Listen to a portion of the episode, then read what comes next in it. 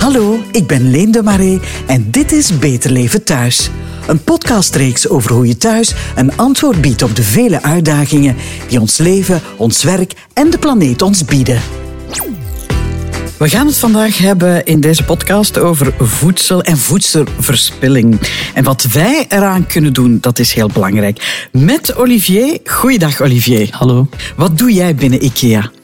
Uh, ik ben een oud gediende, zeg maar. Uh, dus okay. ik ben al 14 jaar in de firma. Ik heb in de winkels gewerkt. En momenteel werk ik voor de afdeling van uh, voedsel. want weinig mensen, ik, denk, ik hoop niet weinig mensen weten dat we ook voedsel verkopen bij IKEA. Niet alleen maar kasten en kapstokken. Uh, en daar ben ik mee bezig, uh, voor alle winkels eigenlijk. Ja. De, het voedsel dat jullie verkopen of ook het voedsel voor het restaurant? allemaal. Dus we verkopen zowel voedsel in onze restaurant dat zijn dan de, de, traditionele maaltijden, de balletjes zeg maar. Daarvan kennen ze ons. Um, we hebben ook een bistro waar we de hotdogs verkopen. Ons tweede best bekende item. Uh, maar daarnaast hebben we ook een soort van mini-shop waar je Zwitserse specialiteiten kan kopen om thuis op te eten. bijvoorbeeld de balletjes. We gaan het dus vandaag hebben over voedsel en voedselverspilling. Toch wel een topic deze dagen. Heel mm. wat mensen zijn er mee bezig.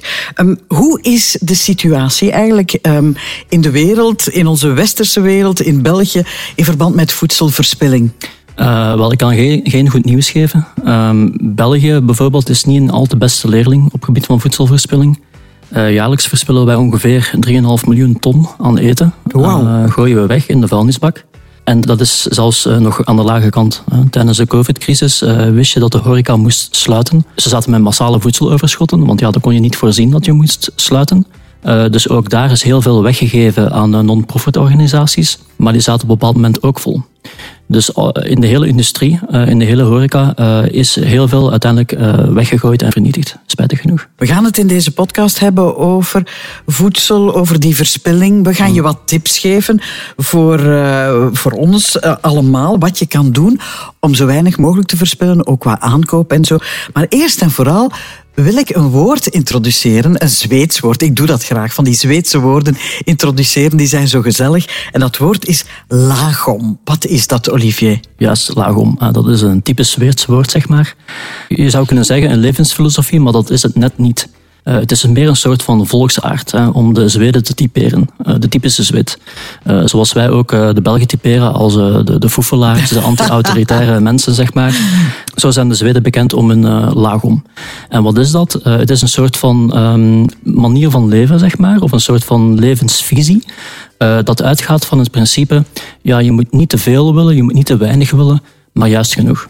Een soort balans. Een soort balans in het leven uh, en in alles wat je doet. Dus in alle aspecten van het leven uh, en omgaan ook met, uh, met elkaar en met voedsel ook zie je dat terugkomen. We gaan uh, die laagom wat meer toepassen op uh, voedsel, op voedselverspilling, op voedselkeuze, op voedselaankoop. En we gaan dat eigenlijk uh, toepassen in drie stappen. We gaan drie stappen wat meer ontleden. Laagom gelinkt eerst en vooral aan voedselaankoop. Hm. Dus hoe koop ik mijn voedsel aan zodanig dat ik genoeg koop en niet te veel? Ja, ik kan al starten vanuit een slecht voorbeeld, mijn voorbeeld. als ik naar de winkel ga, ik plan niets. Dus ik kom in de winkel toe, ik doe mijn aankopen. Ik heb geen boodschappenlijstje, dus ik koop wat ik wil. En vaak koop ik verkeerd of te veel. Oké. En dat heeft natuurlijk zijn, zijn nadeel. Hè. Uh, overlaatst was ik in de winkel. Ik wilde een uh, balletjes maken, zeg maar. Niet de Zweedse balletjes, maar mijn eigen balletjes, zeg maar. daarvoor had ik paneermeel nodig. ik kocht een pakje paneermeel om dan thuis te zien in mijn kast dat er nog een pakje stond. En ik weet, mij kennende, dat ik waarschijnlijk dat ene pakje ga moeten weggooien op het einde van de rit. Dat is een heel spijtige zaak. Dus eigenlijk als je lagom toepast op uh, het aankopen van voedsel, dan zou je eigenlijk eerst de afweging moeten maken of een soort van helikopterzicht eerst uh, krijgen, um, vanuit, van op een afstand een beetje bekijken, van ja, wat heb ik nu eigenlijk nodig? Maak in functie daarvan een boodschappenlijstje op en volg dat boodschappenlijstje. En dan zal je merken dat op het einde van de rit je meer dan genoeg hebt om toe te komen en gelukkig niet genoeg om te verspillen plannen dus. Maar het gaat ook meer dan plannen, je, je boodschaplijstje maken, maar het, ook het plannen maar ook het plannen van, als het ware, de calorieën die je nodig hebt. Hè? Hmm. Want eigenlijk eten we te veel, hè, Olivier? Ja, uh, inderdaad. Uh, daar zijn we als westerse wereld alleszins niet zo, uh, ook, ook geen geweldige leerling in.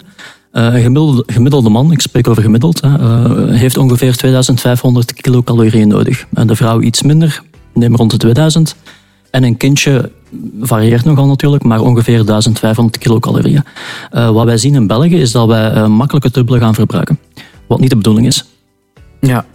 Ehm, nu, als we creatief willen zijn met uh, voedsel, we willen creatief zijn met voedsel, maar we willen het ook plannen. Nu, dan kan je bijvoorbeeld ook, je plant je hele week, hè, maandag, dinsdag, woensdag tot en met vrijdag. Maar ergens in die tussenweek zitten we daar met allemaal tupperwarepotjes in, in, uh, in die frigo. Bij mij is dat toch zo zo een dag um, installeren, een dag plannen, waarin je wat doet met dat voedsel dat over is en dat niet weggooien, dat is ook wel een idee, hè? Inderdaad, hè? de leftover day, de restjesdag, die al bekend is van, uh, van lang geleden, zeg maar, maar die, die nu steeds belangrijker wordt. We zien dat de voedselprijzen ook stijgen, dus ook daar is het zelfs van economisch, wordt het economisch interessant om alles wat je koopt op te gebruiken. En bovendien worden ook uh, winkels, restaurants steeds creatiever met voedsel dat ze over hebben. En vroeger ging dat sowieso die vuilbak in. Dat gebeurt nu steeds minder. Inderdaad. Uh, en om daar een goede manier van werken eh, te bepalen, zeg maar, zou je eerst moeten weten van, uh, ja, wat heb ik in stok eerst, hè, want dat is belangrijk. wat is uw beginstok? En ook, um, ja, wat doe je ermee? Hè? Um, vaak hebben we een mix van producten die ultra vers zijn, de ultra fresh products. Je hebt producten die langere tijd meegaan. Um, de manier waarop je alles verwerkt in schotels is bepalend voor hoeveel dat je op het einde van de dag over hebt.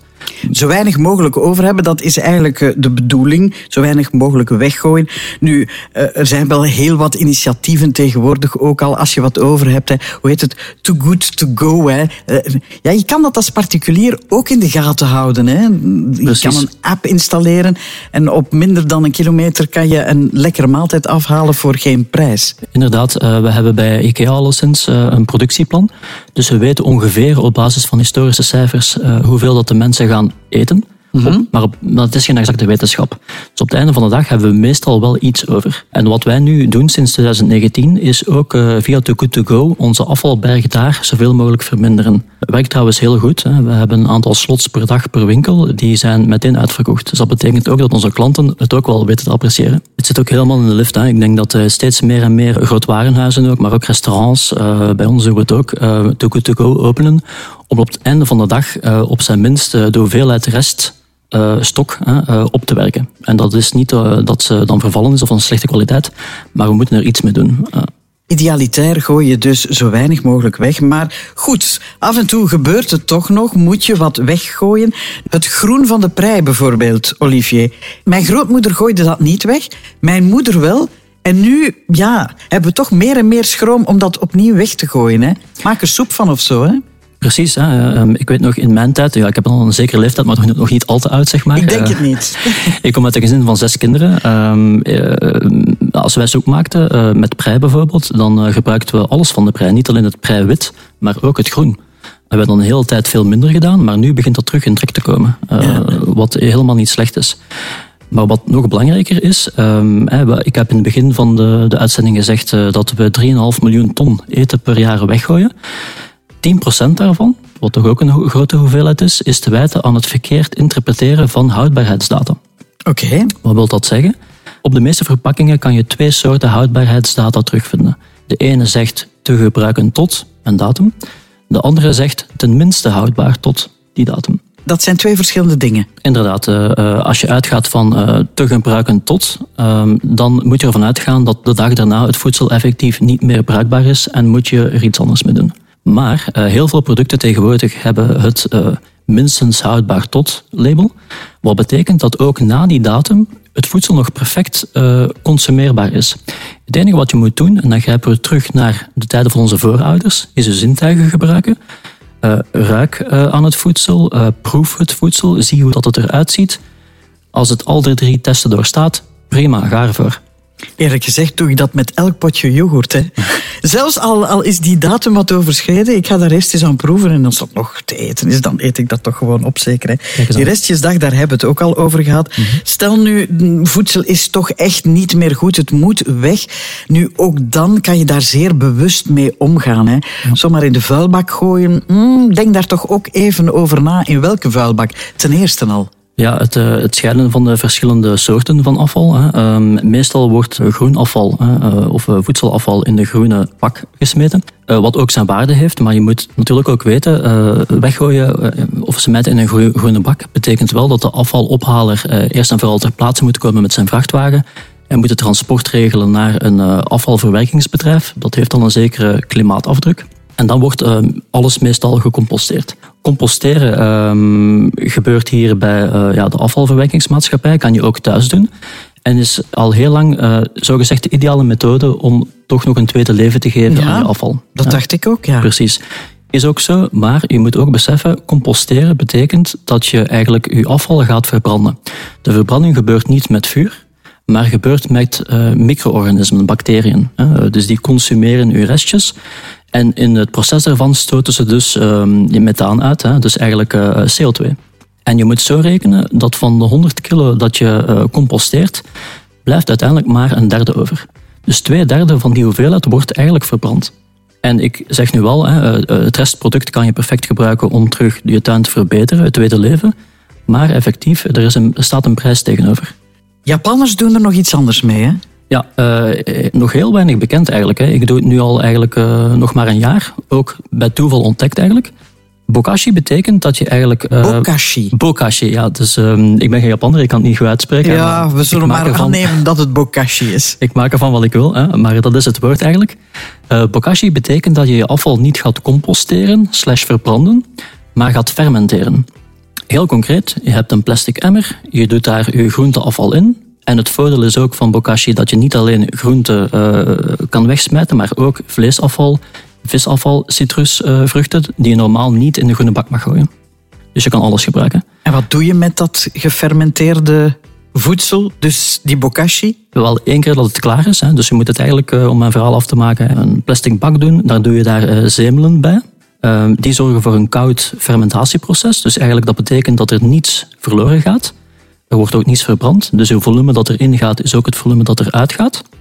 Na vijf weken uh, is uw bokashi-mengsel zeg maar klaar. Ter vergelijking bij een compostering duurt dat uh, zes maanden tot een jaar. Ah, ja. Dus het gaat ook veel sneller. Ja. En uh, wat kan je ermee doen? Je kan er veel dingen mee doen. Als je gaat fermenteren, hou je eigenlijk twee restproducten over. Een vloeistof, door de fermentatie. En ook ja, uw, uw massa. Dus uw, eigenlijk uw groenteschillen en uw fruitschillen enzovoort. De vloeistof sorry, kan je gebruiken om uh, vloeibare meststof te maken. Verdunnen met water en dan uitgieten over je plantjes. Je kan het ook gebruiken om je toiletten schoon te maken, want het drijft alle geuren weg. Wauw. dus dat al uh, voor uh, wat je kan doen met het, het vloeibare. Ja. De massa zelf, wat doe ik daar alleszins mee? Ik graaf een sleuf in mijn moestuin in de winter. En ik verspreid de resterende massa erin. En het voordeel, ik dek het terug toe met aarde, ongeveer 15 centimeter diep uh, graven. En het trekt wormen aan. Dus het verbetert eigenlijk het bodemleven. Want die wormen gaan uh, gangen graven. Ik heb kleiachtige grond, hè, dus heel dikke grond, zeg maar. Door de bokashi verbetert de grond doordat de wormen worden aangetrokken en dus gangetjes creëren. We gaan naar een, eh, een derde toepassing van Lagom. Lagom gelinkt aan de voedselkeuze. Hmm. Nu, eerst en vooral, Olivier, vertel ons eens iets over de World Overshoot Day. Want ja, daar begint het eigenlijk allemaal. Hmm. Inderdaad, uh, World Overshoot Day is een soort van uh, een, een teller die berekent op welke dag van het jaar de productie, de wereldproductie van voedsel, dus, dus de maximum uh, wereldproductie van voedsel om mensen te voeden. Normaal gezien moet je een heel jaar toe kunnen komen met het voedsel dat de aarde produceert. Als we nu kijken naar de werkelijkheid, dan zien we dat elk jaar die datum vervroegt. Dus die is begonnen op 31 december, ideaal. Hè. Dat betekent dat uw voedselvoorziening en de voedselconsumptie in balans is. Vorig jaar is ze gevallen op 29 juli. Oei. En we zien ook elk jaar dat die datum vervroegt met min of meer een maand. En dat wil zeggen dat we onze reserves moeten aanspreken dan? We moeten inderdaad reserves aanspreken en we leven daardoor een beetje boven onze stand als mensheid bijna. Met andere woorden, de aarde krijgt het steeds moeilijker om ons te ondersteunen. En dus moeten we eigenlijk die aarde ontlasten. Maar dat doen we niet, hè, want we, eten zwaar, we eten producten die um, ja, zeer belastend zijn voor natuur en voor milieu. Denk maar aan vlees. Wel, dat is de olifant in de kamer. Uh, dus hier speelt de industrie uh, een grote verantwoordelijkheid. En als individu natuurlijk ook. Vleesconsumptie is, uh, is te veel. We consumeren veel te veel vlees. Dus we moeten hierin zoeken naar alternatieven. Maar het is niet noodzakelijk zo dat als je geen vlees meer eet, dat dat zoveel beter is voor de planeet.